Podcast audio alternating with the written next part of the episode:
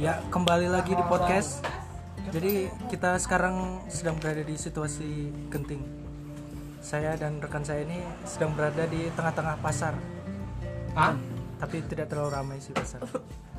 Jadi Pulau Bu. jadi di sini saya ngobrol dengan narasumber saya bernama Jarukenya. Dia ini pengusaha kecil-kecilan roti. Maaf nih kecil-kecil. Kecil-kecilan tapi bisa sampai Cina dia.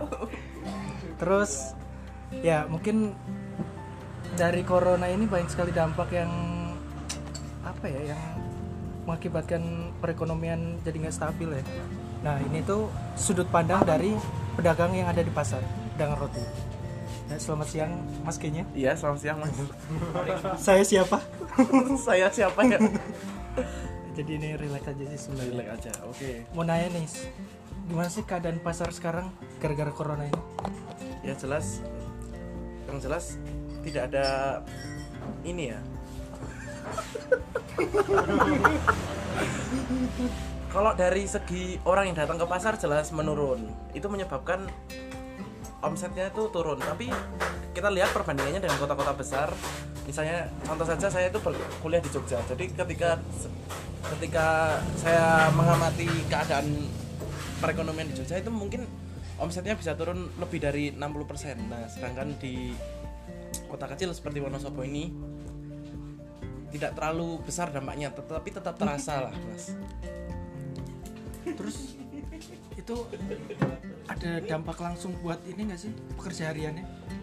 Kan sebenarnya yang paling berdampak besar itu pekerja harian. Ya, kalau sebenarnya dibilang kasihan, Mas, karena mereka kan bisa dibilang nggak punya tabungan ya, Mas. Jadi dia kerja sehari, digaji sehari untuk dihabiskan sehari itu. Sedangkan pedagang-pedagang itu pasti biasanya dia berdagang sambil menabung. Nah, yang dikhawatirkan dengan adanya virus corona ini, ketika terjadi krisis ekonomi yang ada ini, pedagang-pedagang itu tuh terancam untuk diberhentikan sementara ya. Walaupun sementara itu kan pasti kan dampaknya bisa ke keluarganya, ke orang-orang sekitarnya yang harusnya orang itu tuh mencari nafkah buat keluarganya, tapi malah sekarang nafkah itu ditutup oleh adanya virus corona ini. Nah, menurut saya tuh kayak gini tuh hal-hal yang harus diperhatikan pemerintah. Jadi maksudnya itu gimana?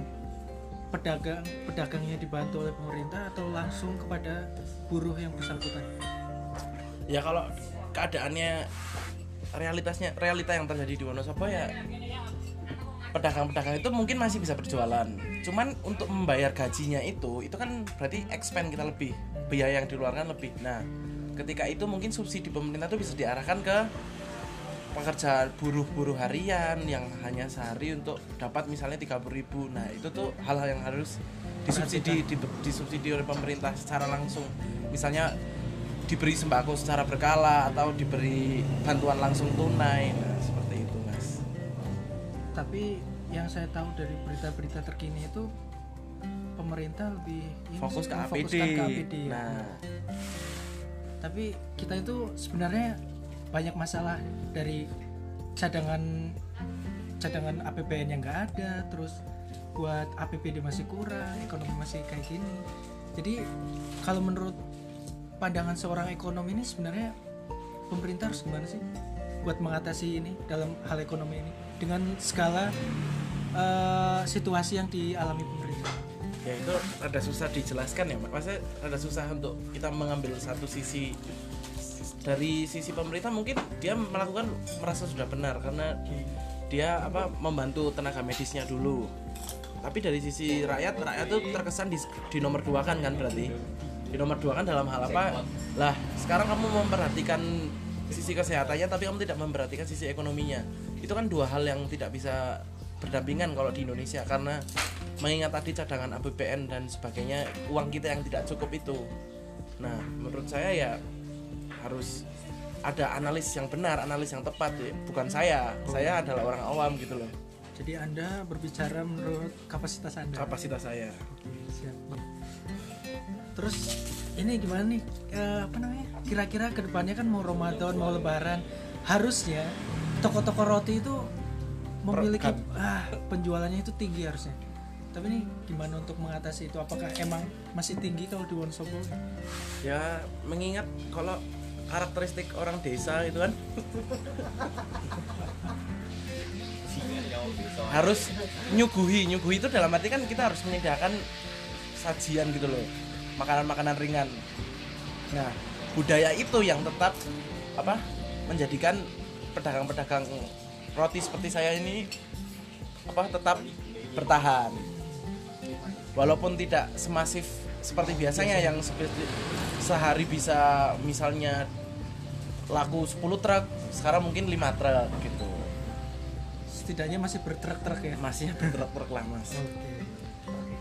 Eh, tapi eh, para pendengar ini dari sudut pandang penjual roti, bukan kebutuhan pokok.